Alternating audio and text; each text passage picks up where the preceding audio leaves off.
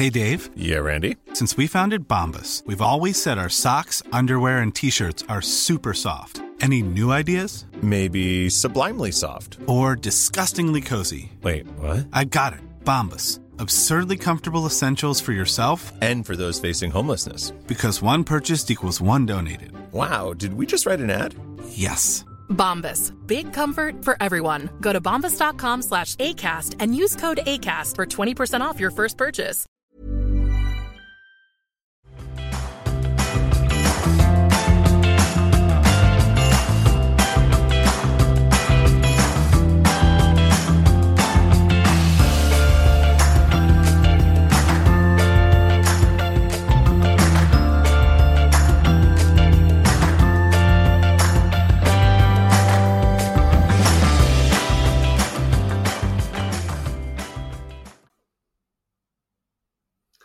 Sådär, välkomna till Börsmagasinet. Idag har vi ett eh, extrainsatt ehm, ett extrainsatt avsnitt med Henrik Abrahamsson som jobbar som portföljförvaltare på Symmetry.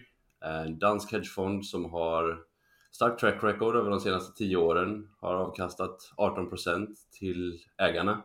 Ehm, stort välkommen! Ja, nej, men tack så mycket. Jättekul att vara, vara med här. Jag har lyssnat på era tidigare avsnitt, avs, avsnitt och gillar verkligen formatet. Alltså. Ja, men jättekul. Um, innan vi drar igång och pratar lite om investeringar så du har en ganska intressant uh, historia och vi har träffats tidigare. Vi har varit iväg på konferenser, framförallt i Tyskland och det var så vi uh, lärde känna varandra när vi tittade på små och medelstora bolag nere i Centraleuropa. Men, men din uh, bakgrund är inte riktigt, det är inte enbart investeringar utan du, eh, du kommer från ehm, spel, eh, ja, spelbolagssvängen. Så eh, jag vet att du har en ganska intressant historia så det skulle vara kul för lyssnarna också att höra lite mer. Ja, nej, men man kan väl dra det kort från början här. Så jag är uppväxten här i en stad utanför Göteborg. Ehm, um, pluggade ekonomi på universitetet och sådär. Och i den svängen så kom ju hela den här pokerboomen också då. Eh, så jag var väl ganska tidigt in där och eh, tyckte det var väldigt kul och det gick ganska bra. Eh, så jag reste några år där jag spelade poker och pluggade om, om varannat. Ehm, sen var jag faktiskt i, i Las Vegas och spelade VM i poker med Ladbrokes. Och då träffade jag lite folk från branschen och så. Och jag var aldrig så att jag var så här hardcore pokerproffs som skulle göra det för evigt. Så att, då sa jag dem det att du borde ju liksom söka jobb i, i spelbranschen. Och det gjorde jag då när jag kom hem från Vegas. Så fick jag faktiskt första jobbet var på, på Betsson där. Eh, så kom jag in i deras eh, sportsbook. Eh, jobbade där några år. Um, och sen så bytte jag till ett bolag som uh, hade lite med uh, Pan Capital som var, uh, hade algotrading på börsen. Som även då var verksam inom, det var kan man säga att man handlade eh, odds på spelbörser som Betfair så. Så det var det, var det jag jobbade med väldigt länge då. Ehm, men så var man ändå ganska nära spelindustrin på Malta är väldigt litet så man lärde, lärde känna väldigt mycket folk i branschen. Och så, så att, hade ingen riktig tanke hur länge jag skulle vara där, men det blev ju 12 år till slut. Då. Var är vi tidsmässigt nu då? När, gick du, när började du jobba på Betsson och hur stort var Betsson som bolag? Eh, vi 2008 kom jag dit då. Eh, och då var ju faktiskt Malta väldigt litet. Så jag kommer ihåg vi hade lite fester och så. Då var det ju Betsson, Expect och Unibet. Eh, och man var ute då i eh, Patchville som det heter på Malta. Och då kände man i stort sett alla svenskarna som var där. Eh, det var väldigt litet, men sen exploderade det några år så att mm, jag lämnade var det väl någon, kanske 15 000 svenskar och det var ju, man, man hör ju svenskar överallt. överallt då, så att ganska tidigt var jag inne där på, på Malta. Då. Okej. Okay. Intressant med det här med Pan Capital. Hur, um, så de var ju tidiga inom algoritmisk trading på, mm. på börserna. Men de gjorde det också, eller var det, var det de som gjorde själva tradingen inom liksom odds? Eller var det, um, var det att de backade några personer som, som var villiga att Ja, de var med, i, de var med lite i, någon var med lite i bakgrunden då, så att yes, algotrading. Det var lite samma principer som på börsen och spelbranschen var ju väldigt dåligt utvecklad då, så det var ganska lätta pengar i, i början där då, med algotrading. Och hur länge stannade du kvar eh, inom, inom betting, eh, bettingbranschen och innan du kom in på ja, men fullblodad investerare?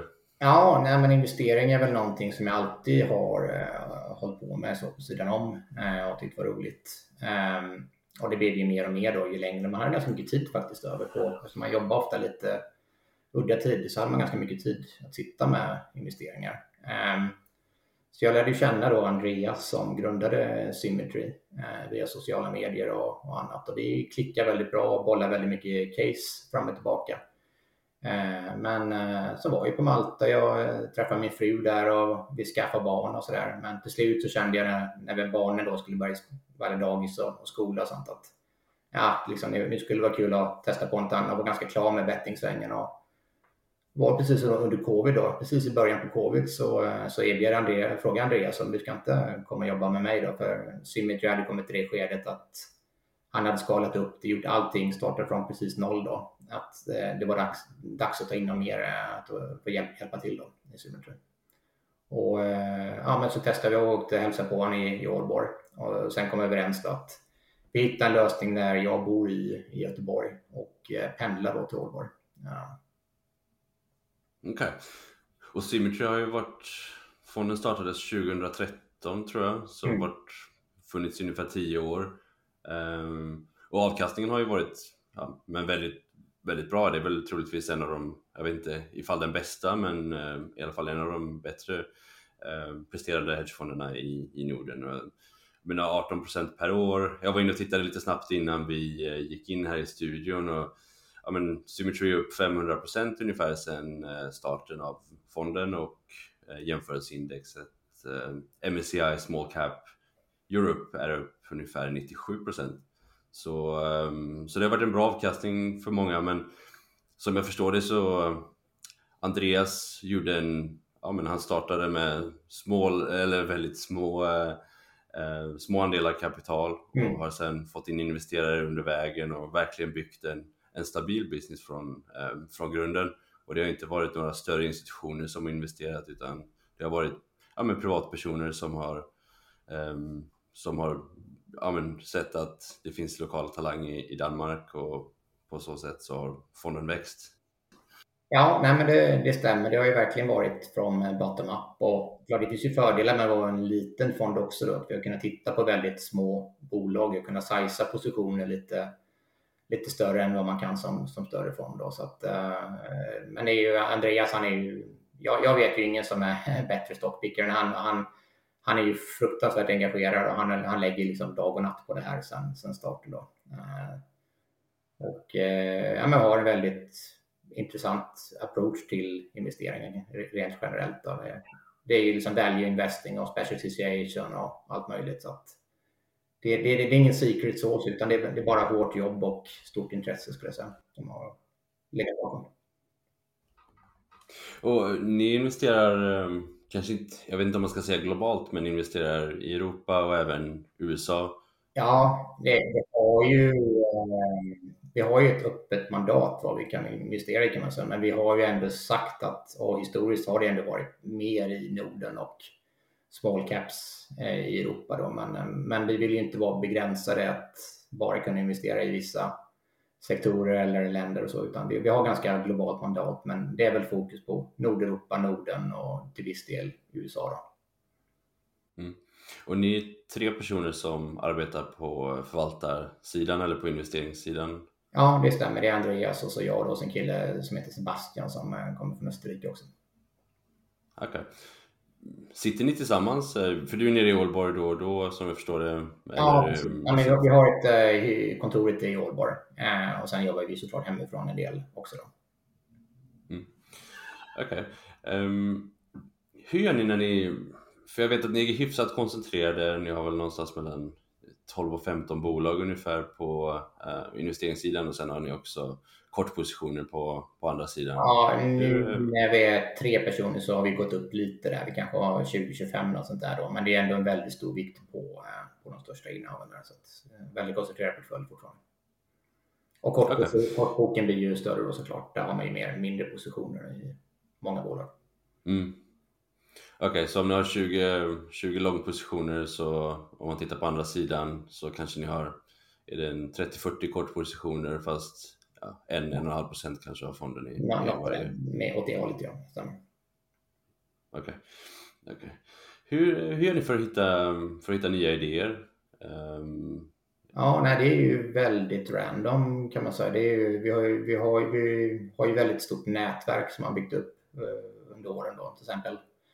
Som är, som är dig och med, med andra investerare som man, man eh, klickar med och hittar idéer, utbyter idéer. Vi eh, åker på konferenser, eh, vi läser väldigt mycket lätt, eh, hedgefund letters och, och så, eh, se vad andra investerar i. Eh, så det, det, kan komma lite, det är väldigt, det kan vara att man tittar på en bransch och så hittar man en konkurrent eller det, det, vi har ju nog ingen sån secret sauce, men det vi inte gör är väldigt mycket att screena fram bolag eller, eller jobba så kvantitativt, utan det, det är mer bottom-up av vad vi ser och hör så att säga. Mm, okay. Hur många bolag följer ni eh, som ni sitter och läser rapporterna för? Är det något hundratal eller ja, liknande som, som ni håller koll på? Tar, det beror liksom, man har ju en liksom nära watchlist som är lite mindre, sen har man ju liksom bredare än man skummar igenom lite mer och håller koll på. så. Men en 100-200 mm. bolag är väl något sånt där. Men omsättningen i fonden är inte jättehög utan ni har väl ett flertal bolag som jag tror det har haft stora positioner i under en, under en längre tid. Ja, så, nej, men det, vi siktar ju på att ha så låg omsättning som möjligt. Sen kan man ju trimma och lägga till lite så att handla för lite fram och tillbaka för att balansera så. Men, men grundpositionerna är ju, är ju väldigt uh, långsiktiga. Jag tror vi till exempel har haft Protector-försäkring här sedan sen, sen 2013 när fonden startade. Då. Mm. Mm. Och även, eh, tror att, jag menar ni har ett, ett spelbolag i portföljen idag, vilket är GIG. Mm. Eh, och du har jobbat i, i industrin. Hur, eh, hur ser du på det nu? Många bolag blir upp, uppköpta. Det, det börjar bli ett eh, mindre och mindre univers av, av i alla fall nordiska spelbolag. Eh, sen har det tillkommit en hel del i USA i och med att regleringen är öppnat där. Men eh, det, det börjar bli en svårare, svårare, ska man säga, en svårare sektor att investera i, i alla fall om du har ett nordiskt fokus. Ja, och den är väl inte lika spännande som den var eh, historiskt heller, utan nu är det ju mer, handlar det mer om värdering, skalfördelar eh, och bra execution. Det var ju kanske ganska spännande då i början då när, när det växte som gräs av Betsson i Unibet och Cherry och sen hade du på B2B-sidan där när Evolution kom och även NetEnt och Kambi och det var liksom lite nya idéer. Nu, nu är det inte sådär att det kommer inte så mycket nya unika idéer eller så, utan det är mer bara att det ska vara bra styrning på bolagen nu och värderingen och så. Mm. så att, som det har blivit en stor kons konsolidering har ju... Ja, i Sverige är det inte så, så intressant då, utan det är ju som sagt det är mer globalt nu då i USA, Brasilien och får man ju se om det kommer nya marknader, men, men eh, det, det handlar ju snarare nu om att hitta bolag som kanske är mer eh, större bolag som har eh, economics of scale och, och hittar andra eh, modes. Då. Um, så det är inte lika mycket att man hittar nya idéer som det var tidigare. Då. Men, men Gig är ett bolag som jag har följt väldigt länge och lite så jag och Andreas lär känna varandra också. Då. Det, det, var, det var ju ganska hypat ett tag och gick ganska bra och sen så körde de bolaget totalt i botten. Och eh, vi gick ur där på vägen ner och sen har vi lyckades som ju rädda bolaget och nu har det gått väldigt bra nu under ett par år. Också. För det var en tid där när ja, i alla fall aktiekursen gick upp väldigt snabbt. Mm. Eh, och jag tror att ni var inne en vända, ni tjänade ganska bra pengar i gig förra vändan. Och sen kom aktien ner och det blev ny styrordförande. Jag fick, tror Petter Nylander kom in och blev ny styrordförande och management byttes ut. Och det var egentligen under den tiden när, vad var market cap på GIG då? 300-400 miljoner kanske? Ja, jag tror det var när det botten, bottentickade väl den under covid. Jag vet inte om det var ner på en 3-4 spänn någonting där. Det var väl ingen liknande omsättning då, men det var någonstans där det, det bottnade ur då. Och nu är den jag tror vi köpte in oss första aktien när det runt 7 då. Eh, och nu är ju aktien på 30 så att det var ju faktiskt nära att det här hela bolaget, det kunde gått omkull där. De fick ju göra en fire sale till, till Betsson där av eh, B2C-delen. Men det räddade ju bolaget då att de kunde styra upp de andra delarna. Eh, framförallt affiliates-delen är ju den som alltid har gått bra och den kunde ju finansiera och rädda det övriga delen av bolaget då. Nej, jag för mig jag pratade med Richard Brown, förra vdn, någon gång. Mm. Alltså att han tog över bolaget och sen hade de ett obligationsförfall fyra månader senare eller något liknande. Och det var bara att sälja det som kunde säljas för att, för att lösa obligationerna, annars hade bolaget gått, gått under. Så, så, var det. Det var inte kul då, men det var nödvändigt och det blev ju väldigt bra när de var klara med det. Hur tror du att, för det har ju varit mycket vändor nu, Catena Media, alltså i ett haveri. Um, Gig köpte ju ett par, um, ett par tillgångar från, från deras sidor som egentligen hade ja, stod still och stampade. Gig tar över och ja, några månader efter så, så printar de 30-40% tillväxt på, på samma tillgångar. Hur, hur är det ens möjligt att, att göra en sån snabb turnaround? Är Catena Media så dåliga eller är Gig extremt bra? Eller är sanningen någonstans mittemellan? Ja, det är nog sanningen mittemellan. Men jag tror ju att Catena, de har ju tappat styrningen och ägarbilden och allting där. Så det, det, är väl framförallt det. Men sen har ju, eh, om, man, om man ser på affiliate-sektorn eh, så var det ju, jag tror personerna bakom är ju enormt viktiga. Och deras liksom, drivkraft och initiativ och vilka personer de eh, anställer. Då. Eh, och eh, så är det ju mycket sådana små knep som man lär sig under tiden hur man ska ranka på, på Google. Och, om man ser då, Catena gick ju fruktansvärt bra när det var grundaren Erik Bergman som var där. Och när han cashade ut så det gick det ganska snabbt nerför. Eh, ser du på, på de två bolagen som verkligen lyckats då, det är ju eh, Betco och Gig. Och då har du ju båda grundarna kvar då. Du har ju Jesper Sögaard, han är ju fantastisk också. Ehm, eh, och jag har träffat Jonas några gånger. Då. Det är liksom det är sunt förnuft, hårt jobb och, och ha koll på grejerna. Eh, och då var det ganska lätt med deras tech och deras, deras liksom in-house knowledge där att, att uh, koppla på och, och, fixa, och fixa i ordning uh, Ask Ambush. Men, men jag tror även han är förvånad över hur fort de har lyckats uh, styra upp det där. Ja. Mm. Vad tror du är framtiden för gig nu? Jag menar, jag har pratat med vissa personer i branschen som säger att, framförallt nu under ICE då, som sa att men det finns vissa synergier mellan, Ehm, så, så, att alla vet, eh, Gig har planerat att spinna av sin eh, plattformsbusiness där man gör det här player account management och ja, men KYC, och know your customer och hela vad ska man säga, backend av, eh, av, som vissa spelbolag använder sig av i, i, i, i, vissa marknader runt om i världen. Och sen har man affiliate-sidan som är den andra delen. Um, och man kan lyssna på vårt förra avsnitt tror jag, där vi gick igenom lite mer runt, uh, runt det här. Men hur skulle du säga att typ, för mig ser det ut som att det finns vissa synergier i kundanskaffning och så vidare mellan de här två. Varför väljer man att spinna av eh, plattformen tror du? Ja, nej, jag vet faktiskt inte om det... Eh, det finns ju vissa synergier. Eh, samtidigt finns det ju mycket eh, eh, fördelar med att låta dem eh, vara fria och kunna, som Jonas då i, i, eh, i affiliate-delen, han har ju fått finansiera, framförallt när det gick, gick dåligt, att uh, har han fått finansiera de andra delarna under en lång period. Uh, kanske varit en del uppköp som man hade kunnat göra som inte hade inte blivit av då. Man kan, affiliate-sidan har ju um, väldigt höga fina marginaler så där kan man ju ta upp lite skuld Um, så jag tror att det finns mycket fördelar med att, att köra separat. Då. Ehm, och kortsiktigt så borde det ju också kunna vara bra för värderingen då att de får värderas på, på egen, eh, eget bevåg. Mm. Men, men, om du skulle titta på bolaget, eh, är ni mest intresserade av affiliate-delen eller, ehm, eller är ni likvärdigt intresserade av, av båda delarna? Ja, det alltså, som att när ni köpte in i, in i gig så var det mestadels på grund av affiliate affiliate? Ja, det är ju den som har varit eh, kassakon hela tiden. Så det har det varit, tanken har ju varit att plattformen ska skala upp då. På, på pappret är det ju en väldigt fin skalbar affärsmodell. Om du kan växa topline så ska ju, ska ju även bottomline då, eh, växa väldigt, väldigt starkt. Det har vi sett med andra liknande eh, B2B-bolag. Då. Eh, så har det kanske har det gått lite fram och tillbaka. Nu, nu var det lite svagare i Q4 där, men kan de växla upp topline så, så, så, så, ska ju det här segmentet också ha ett ganska fint värde. Men det är ju inget snack om när det spins av här så kommer de stora värdena ligga i, eh, i eh, affiliate-delen. Då. Eh, samtidigt så tycker vi att bara affiliate-delen här är kanske värd en 50-60 kronor per aktie.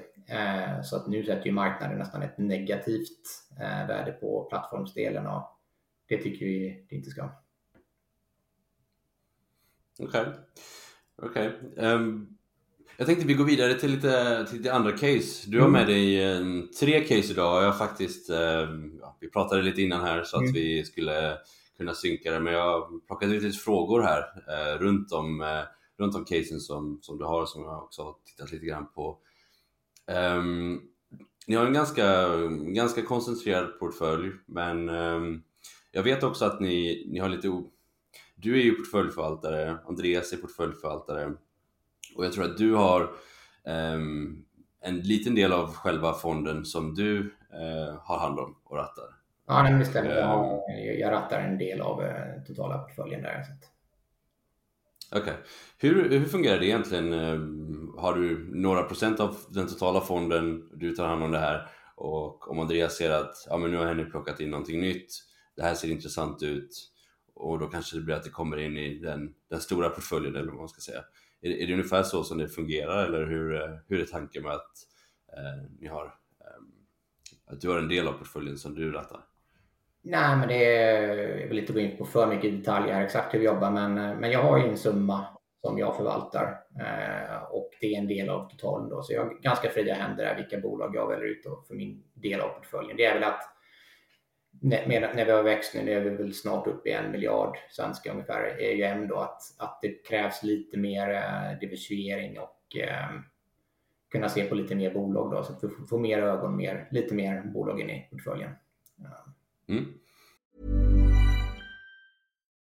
Since 2013, Bombas has donated over 100 million socks, underwear and t-shirts to those facing homelessness.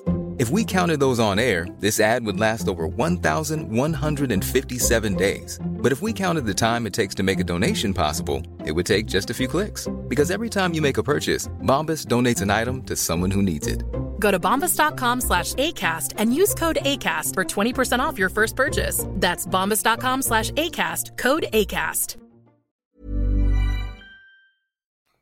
Okej, okay, så om vi börjar med Free Trailer då. Mm. Ett av de få danska bolagen faktiskt i portföljen. Eh, ja. Nu finns ju inte jättemånga danska bolag eh, listade så det är väl ett, en problematik från början så det blir väl att även som en dansk fond att man får titta sig lite runt omkring till, till andra marknader. Men om vi börjar med, om vi börjar med Free Trailer då. Hur hittade ni bolaget från första början och vad var det som var intressant med modellen som gjorde att ni, ni, ni valde att börja göra analys på bolaget och, och till slut eh, investera också? Ja, nej, men det är ett bolag jag har följt här sedan deras IPO och eh, så jag har haft koll på det länge. Jag, inte, jag kommer inte ihåg, jag hittade, jag tror bara det var någon, man satt och bara kollade på aktietorget där då, eh, och kollade vilka bolag som fanns där och tyckte det lät intressant. Men det var ju alltså, man, bara en fet disclaimer här att det är ett väldigt litet eh, bolag, illikvitt. Jag tror de gick in på, eh, på eh, en värdering på runt 30 eh, miljoner danska eh, på 4 kronor, 4-5 kronor i aktien då, då 5-6 år sedan. Eh, sen eh, gick ju kursen rätt bra där. Eh, de hade ganska bra utväxling i verksamheten eh, och de var uppe på 59 eller någonting så då var ju det var ju aldrig så högt värderat då. Eh, men så har ju följt och som jag tycker underliggande har, har det utvecklats fint, fin tillväxt och lyckats ta sig in då från bara Danmark i början till även då gå bra i Norge nu och försöka etablera sig i Tyskland. Eh, värderingen kom, kom ner. Eh, däremot har det gått lite dåligt i eh, Tyskland. De har inte riktigt eh, kunnat växla upp där så fort som de lyckades i Sverige och Norge. Eh, så att förra vdn då eh, eh, avgick eh, och in kom eh, Nikolaj Frisch eh, som är ny, han var även storägare i Freetrail innan. Eh, och han känner Andreas ganska bra eh, i ja, Investor Community i, i Danmark. Så det var, jag hade ganska stort förtroende för han. Han var bland annat med och grundat Euroinvestor som var som börssnack eller ett forum där man diskuterar aktier och sålt det och han har skalat en del bolag tidigare då. Eh, så att nu tyckte vi att eh, eh, den gamla grundaren ville sälja ner en del så vi hade möjlighet att komma in och ta några, ta, ta några block där då förra, förra sommaren och våren. Um. Mm, okay. Och kan du förklara lite om vad bolaget faktiskt gör? Ja, Nej, men det, det är ju alltså släpvagnsuthyrning, eh, men inte riktigt i traditionell mening. Så jag tror att många tänker när man bara hör släpvagnsuthyrning att det är inte så, så sexy då. Men det de gör är att de har inte släpvagnarna på egen eh, balansräkning utan att de går ut till en partner som till exempel Ikea eller Mio eller Ica Maxi. Eh, och eh, sen har de, eh, leasar eh, Free Trailer eh, trailersen på ungefär en fem år.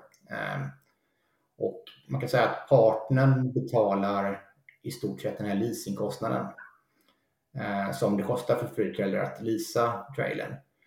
Och eh, någonting som är ganska värdefullt är också att de får ju den här parkeringsplatserna utanför Ikea, utanför Ica Maxi.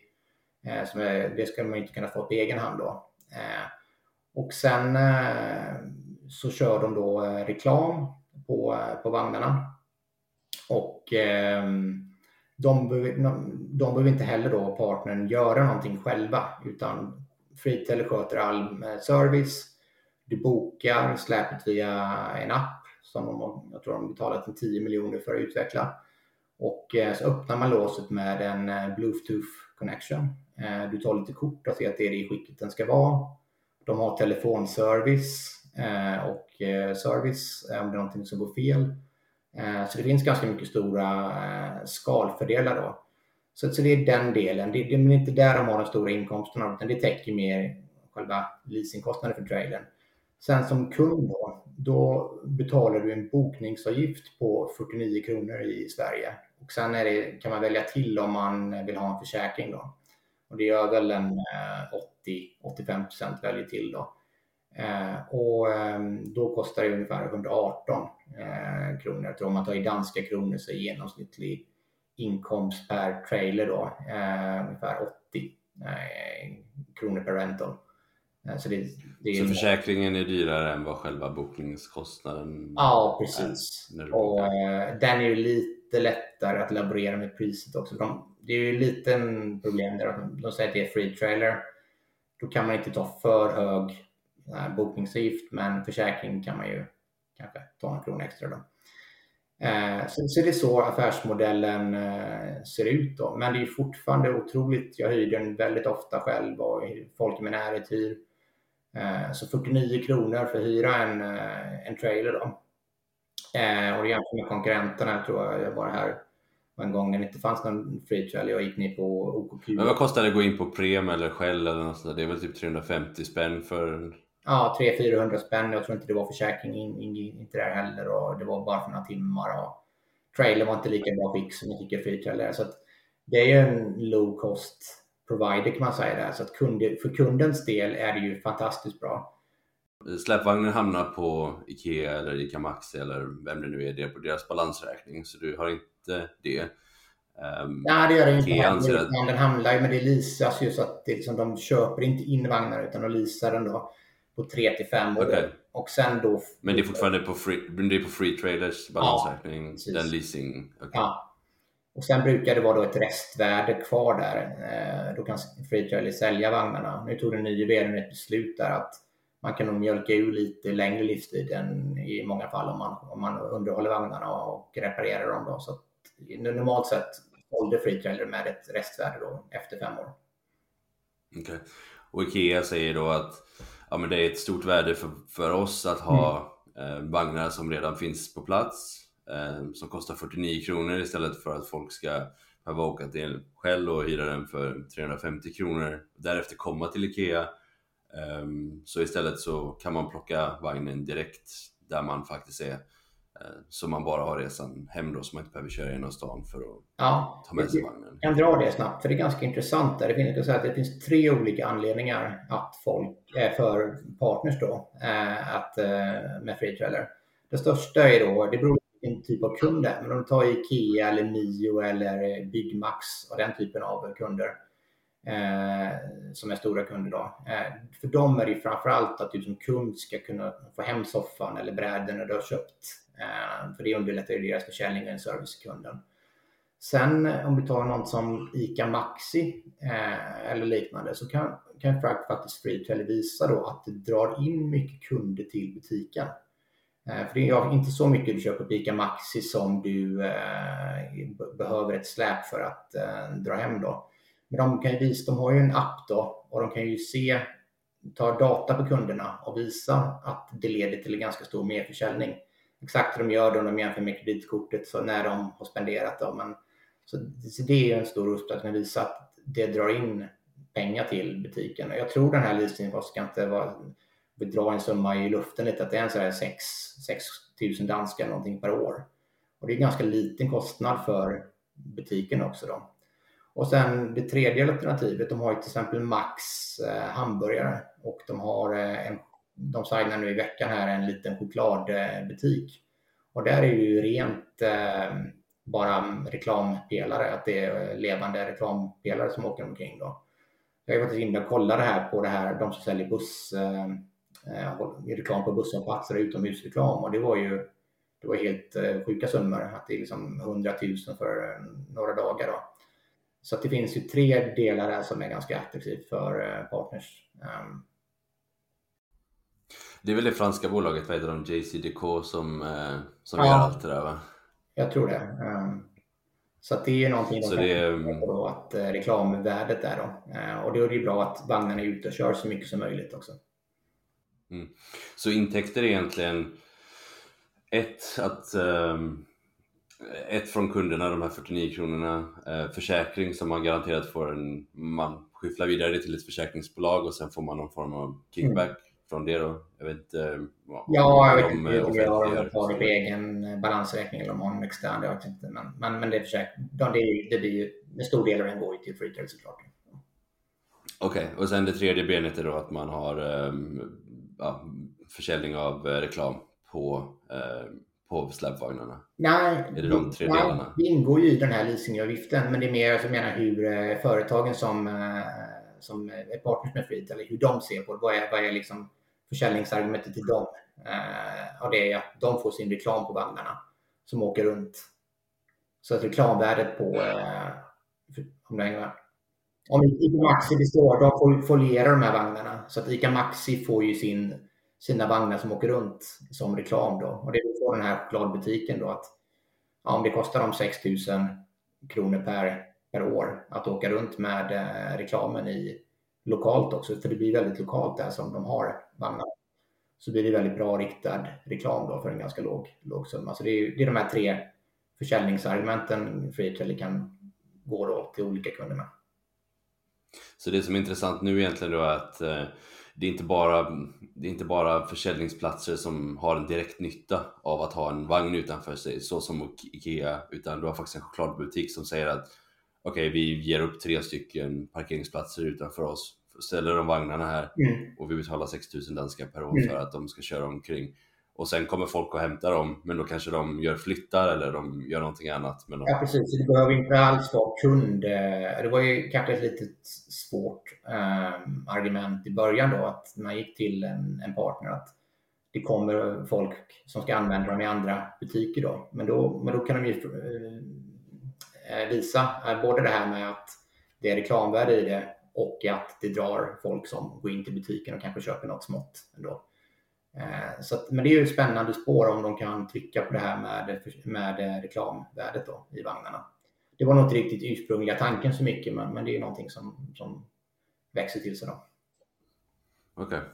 Varför tror du att det har gått lite trögare i Tyskland än eh, de nordiska marknaderna?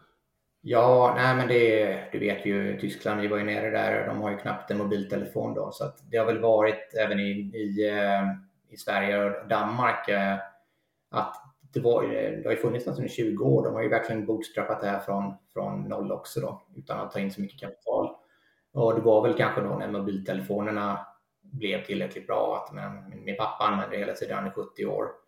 Eh, med bluetooth connection och, och, tekniken och vanan då med, med payment också, hur man betalar med kreditkort eller swish eller mobilpay. Eh, och där är väl Tyskland lite efter.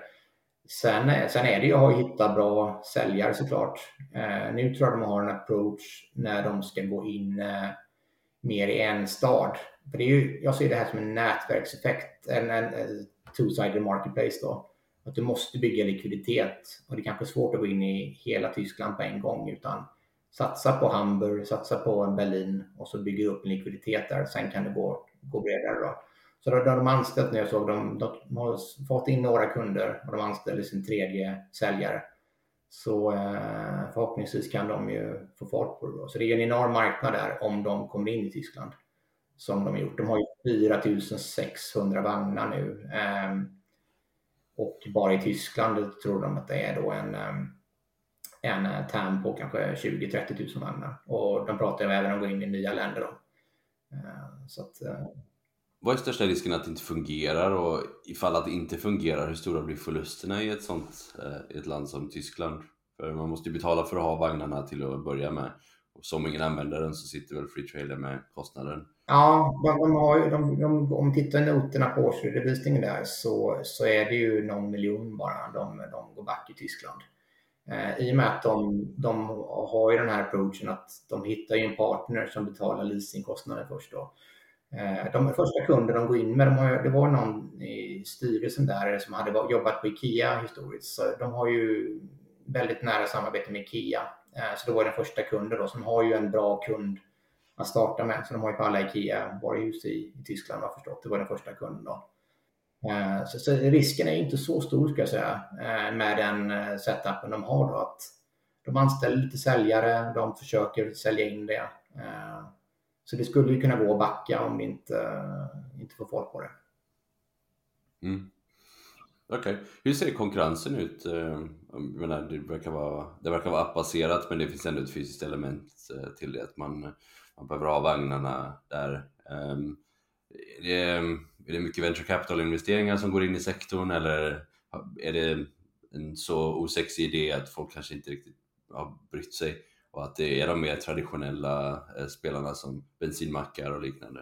Precis, traditionellt sett har det varit, jag tror det var en väldigt bra vinstaffär för bensinmackarna historiskt sett att hyra ut eh, trailers. Eh, men nu har de ju faktiskt sett då i det landet de har kommit eh, längst, det är ju i Danmark. Och, och, där har ju faktiskt bensinmackarna en, en del delvis börjat fasa ut eh, uthyrning av trailers. Att det är bättre för eh, kanske ha eh, EV stations då för bilar istället. Ehm, sen, eh, och det är ju liksom inte så, om man ser nu, ehm, de, gjorde, de guidar nu att de ska göra 10 14 miljoner i, i ebit då. Och det har tagit dem 20, 20 år att komma hit. De har investerat 10 miljoner i en app. Ehm, du ska signa upp alla de här partners. Så det är ingen jättemarknad på det sättet. Och det är väl det som kanske det är osexigt och det är svårt att komma in. Det är hårt jobb. Jag skulle inte vilja göra det. Så inträdesbarriärerna är ju ganska höga av, av den anledningen. Då. Eh, sen om vi har mer en direkt kon konkurrens så är det ganska intressant där att vi har eh, eh, Brenderup, eh, danskt bolag som eh, de har väl mer, deras business har mer varit att sälja vagnar eh, direkt till konsumenter. Eh, och jag vet inte, jag pratade om det här bolaget förra veckan, men de, de köptes upp av Storskogen.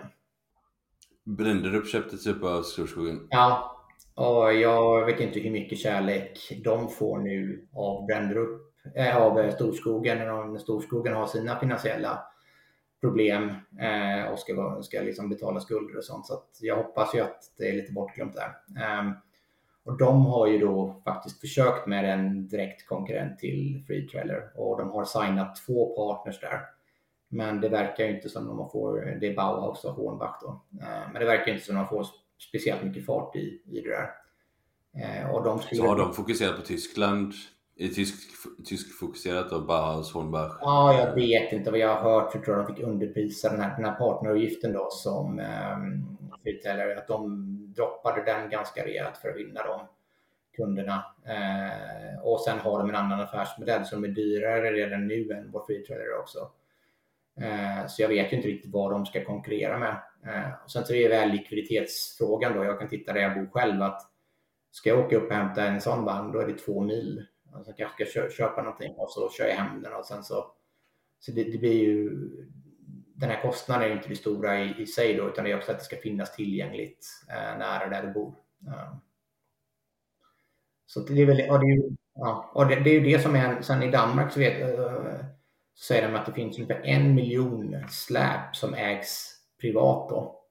Och i snitt använder man är free till ungefär tio gånger per år när man äger ett släp. Så det är ju väldigt dålig business att äga ett sånt släp. För du ska in på besiktning, du ska underhålla, det står och rostar där. Så att där är också då... Men det känns ju som att det är en sån grej som äldre män älskar att ha ett släp liksom. Ja, men jag skulle inte vilja bo lite släp. mer, inte bo helt på vischan och, jag skulle inte vilja ha ett rostigt släp som står på mitt, eh, min garagefart som man ska byta räck på och besikta och hålla på. Eh, så jag kommer ihåg när jag bodde, när jag jag växte upp så var det en gubbe som hade ett släp på gatan men det slutade med att alla bara lånade det hela tiden och antog att de skulle få låna det gratis. Så ja. det sög ju för honom. För han fick ju lägga ut det liksom. Jag vet inte vad ett släp kostade, 60-70 tusen kanske. Mm. Och sen ja, fick alla freerida på honom sen. Alltså, så det är ju en stor marknad då att liksom folk inte köper nya släp då. Så att både att de kan konkurrera ut eh, ja, bensinmackar och att de tar av den privata marknaden då. Um, det... Men eh, jag såg här i rapporten nu senast att man växer ju plus 30 procent. Är det en tillväxt som ni tror kommer kunna hålla i sig någon 5-10 år framåt? Och, um, är det, nu, för det, det, är väl en marknad som är hyfsat underpenetrerad så det, det borde ju kunna gå och växa snabbt om man lyckas få rätt säljare på plats. Ja, de har väl gett lite, num lite siffror på hur stor de ser marknaden. Det är fyra, nu har de en 1500 vagnar här i i Sverige, va, tror jag, eh, ungefär. Eh, och eh, de tror att det kanske finns 4 000 vagnar i Sverige. Tyskland 20-30 000. Men, men, så det finns ju både tillväxt kvar i befintliga, även Danmark som är den mest mogna marknaden växer ju fortfarande eh, tvåsiffriga, tvåsiffrigt Och Norge är ju ganska, ganska tidigt så där kan de växa ganska mycket. Och den stora delen är ju nu om de lyckas med den här internationella expansionen då, eh, både i Tyskland, de har väl hintat om Holland och kanske UK och Finland också som intressanta marknader. Då finns det ju, då skulle det kunna växa under, väldigt mycket under lång, under lång tid då. Mm. Ja. Vad tror du, vad tror du marginalen är om man tittar på den mest eh, mogna marknaden som Danmark till exempel? Separerar de ut hur mycket marginal de har i Danmark eh, kontra... Man kan väl, eh, man kan väl eh, ja, få ut backa ut det på ett sätt? Ja, backa ut det. Så 20-25 procent kanske. Här då.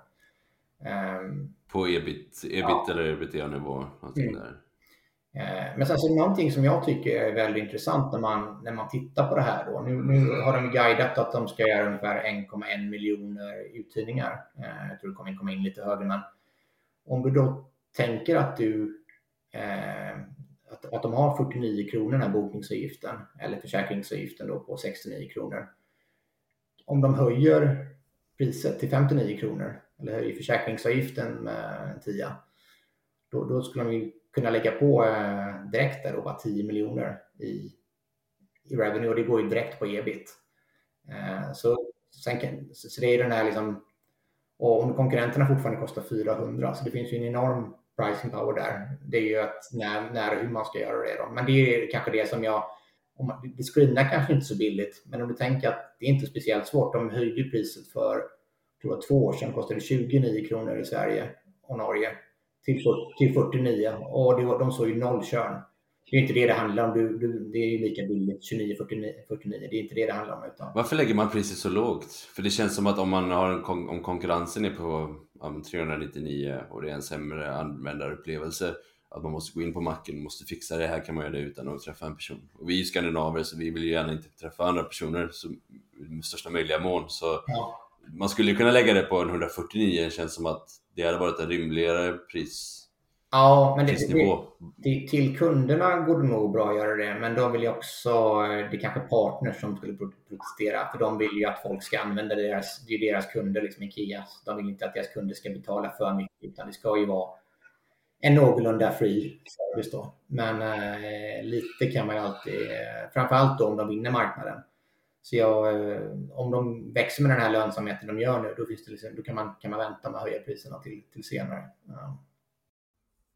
Så största risken för prissättning är inte det är egentligen inte att eh, kunderna kommer säga nej utan det är att partners säger att ja, men det här är faktiskt en allmännytta för våra kunder så ni får, kan inte höja för mycket. Ja, precis. Man, man marknadsför sig lite det här som ett free, att det ska vara free då. Free trailer. Uh, sharing, sharing economy, lite ESG. Så man får vara lite försiktig där, men, men det går ju alltid, det är alltid inflation och du kan höja en femma där och en tia där. Så det är ju det är någonting som jag ser om man ska se liksom underliggande inkörningsförmågan då är ju, är ju väldigt mycket högre än vad uh, de tjänar just nu. Och de gör ju fortfarande bra vinst nu då. Så, så uthyrningsvolym borde kanske kunna växa 2025 och sen, sen är det lite oklart vad priset kan vara. Det, det kanske blir lite slagigt. Det kommer antagligen inte vara samma prisökning år efter år utan det kanske blir att man höjer en 20 ja. vid något tillfälle och då sticker, det, då sticker lönsamheten iväg helt enkelt. Precis, och sen, sen något annat så är väldigt intressant att det blir lite säsongsbetonad business också och eh, framförallt är det på helgerna eh, man hyr free trailers. Och hittills har de ju tillåtit att du då kanske hyr, att du hyr en eh, trailer klockan åtta på morgonen och lämnar tillbaka den klockan 11 på kvällen för 49 spänn. Och i Norge och Tyskland har de inte den modellen utan då har man ett fönster på om det är 3-4 timmar och sånt där. Och sen kan du hyra den mer om du får betala en lite högre avgift. Eh, så man kan ju ändra det i Sverige och Danmark också så att du kan få upp beläggningen, att du får fler, fler uthyrningar per dag så eh, går ju det också direkt på bottom line. Då. Eh, så det finns, beläggningen är ju väldigt viktig att jobba med. Så jag, de, och på vintern blir det såklart lite mindre uthyrningar också. Mm. Så Q2 och Q3 är de starkaste kvartalen? För att... Ja, nu har, nu har de ju brutit, nu har de ju brutit räkenskapsår ah, okay. i Q1 och Q4. Um, precis. Okej. Okay. Right. Vad är värderingen på det här bolaget? Ja, eh, market cap är väl där 290-300. Uh, har de en nettokassa där på en 2025 kanske. Uh, och de har guidat här då att de ska göra 10 till 14 miljoner danska i ebit. Eh, det känns ju lite eh, som de har satt ribban lågt där, utan de gjorde ju redan nu i Q1 då eh, 8 miljoner i ebit. Ehm, och eh, det är ju ett starkt kvartal, men andra sidan signar de några stora avtal som inte riktigt har rampat upp och de har rapporterat antalet uthyrningar för, för Q2. Det har de rapporterat, men de har inte, de har inte rapporterat revenue, de rapporterar 29 februari. Men kan de gå, ehm, kan de gå break-even eller kanske med, kanske med en liten vinst där till och med, då eh, tror jag att Q4 då som är våren och alltså april, maj, juni. Att det kommer att vara ett riktigt starkt kvartal som borde vara bättre än, eh, än eh, vad Q1 var. Så jag tror att den här guidance på 10 till 14 är lågt satt, att det kanske kan komma upp i 18-20 till och med. Okej, okay. så om vi har 20, så 15 gånger ungefär eh, ebit då? Eller lite lägre i och för sig. Ja. 13-14 kanske, om man räknar med kassan. Vi flyttar över till eh, nästa case som är Schibsted Um, så vi började i Danmark, nu går vi till, till Norge istället. Så Schibsted är en ägare av ungefär 75 olika brands eller marketplaces eller de äger ju Aftonbladet till exempel, Prisjakt, Lendo. Vad är det, ehm, vad är det som ni ser här som är intressant? Ja, nej men historiskt, man, man får nästan ta lite var, eh, var Schibsted kommer ifrån. Det är ju eh, så eh, tidningsmediabolag från början, så fram till tidigt 2000-tal så var det i stort sett bara tidningar. De äger Aftonbladet, de äger VG, Svenska Dagbladet och en massa, massa andra tidningar och, och medier. Eh, och tidning, om man har läst om Buffett, så var det ju som tidningsmonopol, att det var där man annonserade. Eh, och det var ju väldigt, väldigt bra business. Så insåg de väl då när, när internet kom att eh, det här kommer kanske då flyttas över till, eh, till internet. Så de startade ju bland annat då Finn.no eh, som är eh, en av Norges mest besökta sidor. Sen köpte de ut, eh, köpte de upp Blocket i Sverige. Och eh, sen så använde de Blocket. Blocket blev inte jättesuccé i Sverige men de använde Blockets kod och eh, knowledge och, och rullade de ut, startade upp sådana här marketplaces runt om i hela hela världen då. Eh, ibland Frankrike, Spanien och runt och vissa, vissa ställen slog det bra och vissa ställen slog det mindre bra. Eh, så det är bara lite historien var de, var de kommer ifrån. Och eh, sen över tid då har ju värdet, eh, de har ju gjort fantastiska värden i de här marketplaces och byggt bygga upp dem. Medan news media har ju varit i ganska decline eller flat då under, under längre period. Ehm, och ehm, så det här har jag, sen var det värt att nämna här att det var någon, eh, någon Eh, en gubbe där då som, som ägde en stor del i, i tidningsdelen som när han dog då så la han allting i en stiftelse eh, som, som då skulle främja oberoende journalistik. Det var deras största syfte. Och eh, de har ju sett då marketplaces som en garanti för att liksom finansiera newsmedia. Det har ju varit man kan säga att det har varit lite som ett, eh, ett poison pill då, för att syftet skulle kunna bli uppköpta och få de här värderingarna som många konkurrenter har. Eh, så om man tittar på Aftonbladet och Svenska Dagbladet och så vidare. Är de lönsamma modeller eller är det att, de, att news, ja, mediedelen där går ungefär plus minus noll om man tar alla som ett, eh, som ett aggregat? Ja, nej, men de, de, har ju fortfarande gått eh, med ganska bra vinst. Nu hade de, men det var förra året så tufft då, 2022, eh, 2023. Så det, här, det har hela tiden varit där att det finns en fin business inom newsmedia. Det är den digitala delen, att man läser Aftonbladet eller digitala annonser. Eh, Medan den här print då har ju varit i decline väldigt länge. Och eh, det är väl det som är lite hela caset här att um, det, det, har ju den här declinen har kanske gått längre, snabbare senaste åren. Jag tänker med postutdelning och, och annat också. Att då blev det en liten konflikt där. Ska du ta pengar från marketplaces in i dålig låg, lågmarginal newsmedia. Samtidigt har den här stiftelsen, de vill ju inte kanske att det bara ska vara skvaller och klickjournalistik. Så, så det kom ju då till ett skede när det blev en lite konflikt där, eller ett problem. Eh, så, så, eh, det är lite bakgrunden där. Eh, nej men så, så, om man tar då, eh, så Chipstead har ju alltid varit ett billigt på some of the parts, men i och med att de har newsmedia och eh, drar ner marginalen så har liksom inte värdena riktigt kommit fram då. Eh, så för ett och sen så för Advinta då var ju, eh, de, de delade ut eh, det för ett antal år sedan, en del då, de höll en del, eh, en del i bolaget och delar ut andra till aktieägarna. Så det är marketplaces i Europa, eh, i stora länder i Europa, framförallt i Frankrike, de stora Spanien, eh, ja, några länder till då. Eh, och eh, även fast de gjorde det så var, fick inte de fick inte fram det värdet i kursen. Så det var ett tag 2022 att Adevinta stod ungefär för 90% av Schibsteds market cap. Då. Eh, så det var ju nästan att övriga delar inte värderades till någonting. Och då var det på ett konfkoll där, då gick de ut och sa att eh, vi vill monetisera den här eh, delen. Men de hade, en, eh, hade inte hade gjort en merch med eh, eh, Ebay också. Ehm, Ebays eh, europeiska delar. Så de hade en lockup till oktober 2023 men de var väldigt tydliga, liksom, vi vill visa aktieägarna att vi vill få fram värdena. Ehm, så ja, vi började köpa in oss där ganska mycket redan då, eh, på, alltså mellan 140 till 170.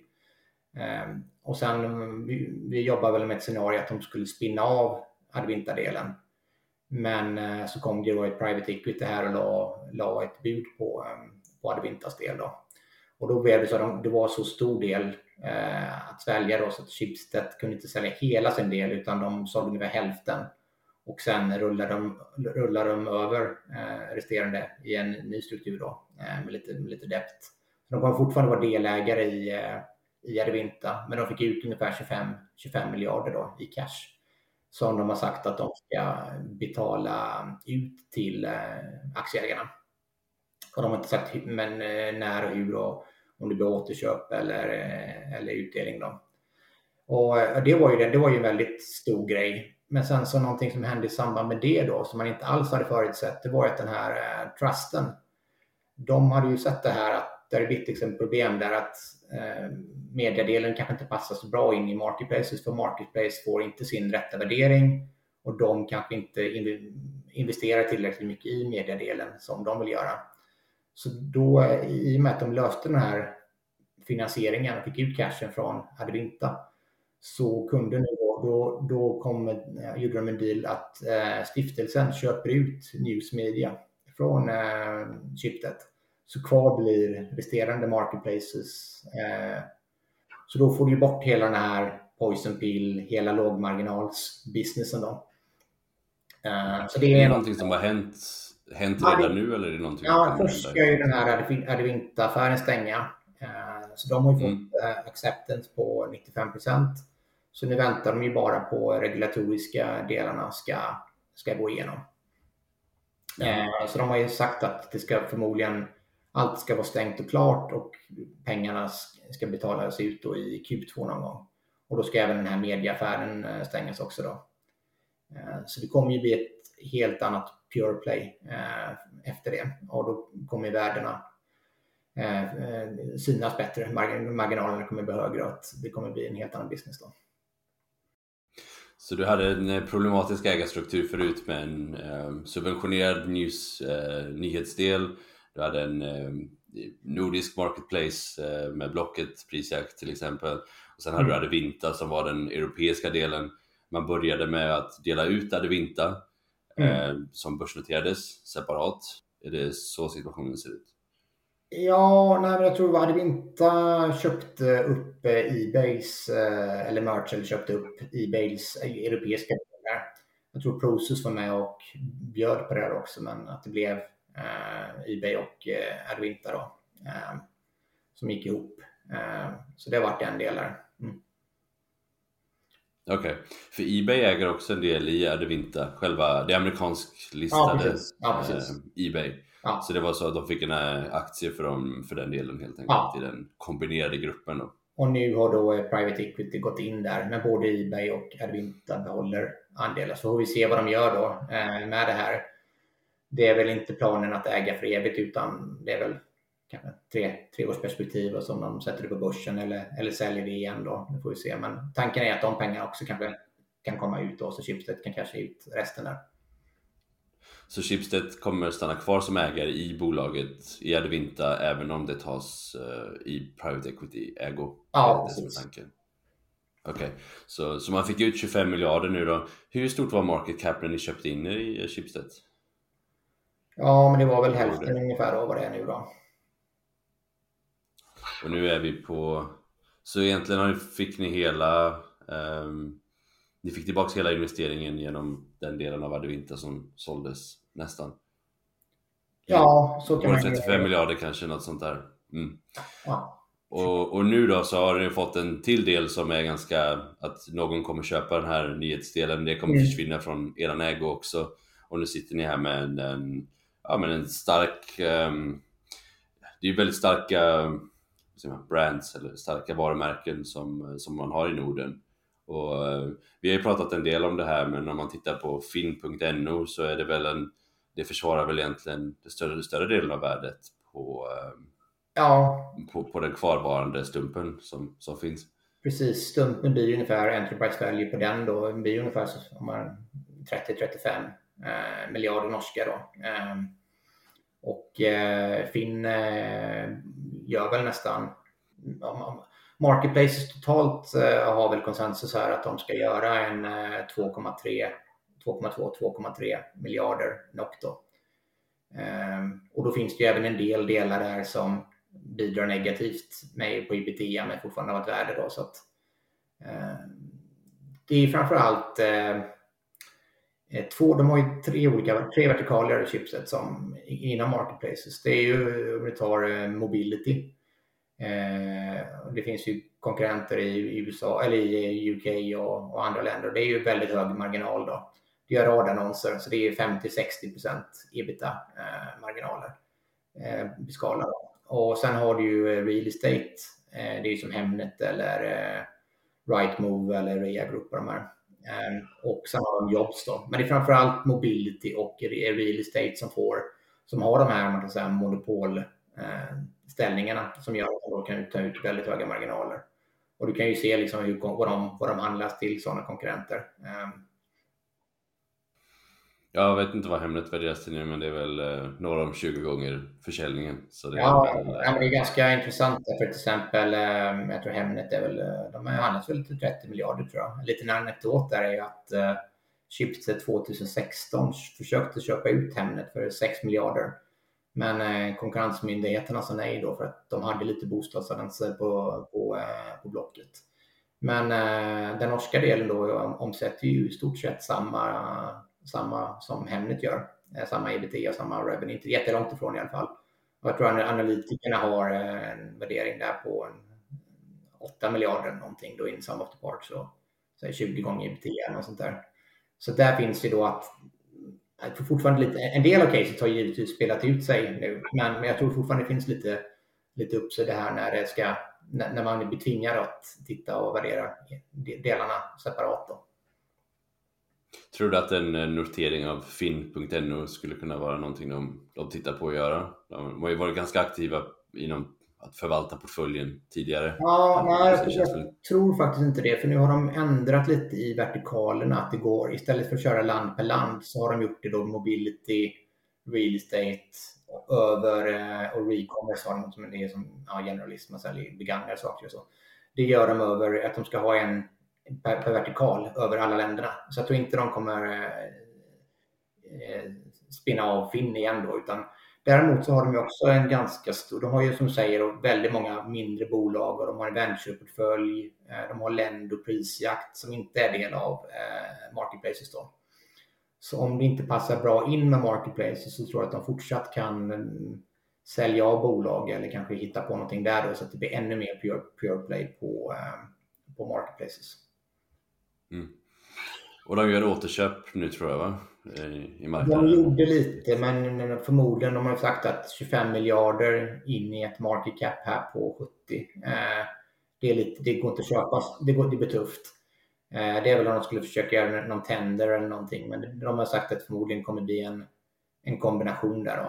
Eh, man kan ju se där, när man tittar på de här fonderna och sånt, det är inga så här jättestarka ägare som äger och förutom den här stiftelsen. Att det är ganska passivt ägande så att har man lite större, de gjorde ett mindre återköp eh, för ett år sedan ungefär. Um, och, och, det, fick ganska, det sätter ganska mycket fart på kursen. Se på Hemnet, de har köpt tillbaka där. Att är det passivt ägande och liksom positivt momentum så man ska inte underskatta den, eh, den delen att om de trycker in ett stort återköp i, i en ganska illikvid aktie. Kanon! Ja, men, tack så jättemycket för ett par intressanta case.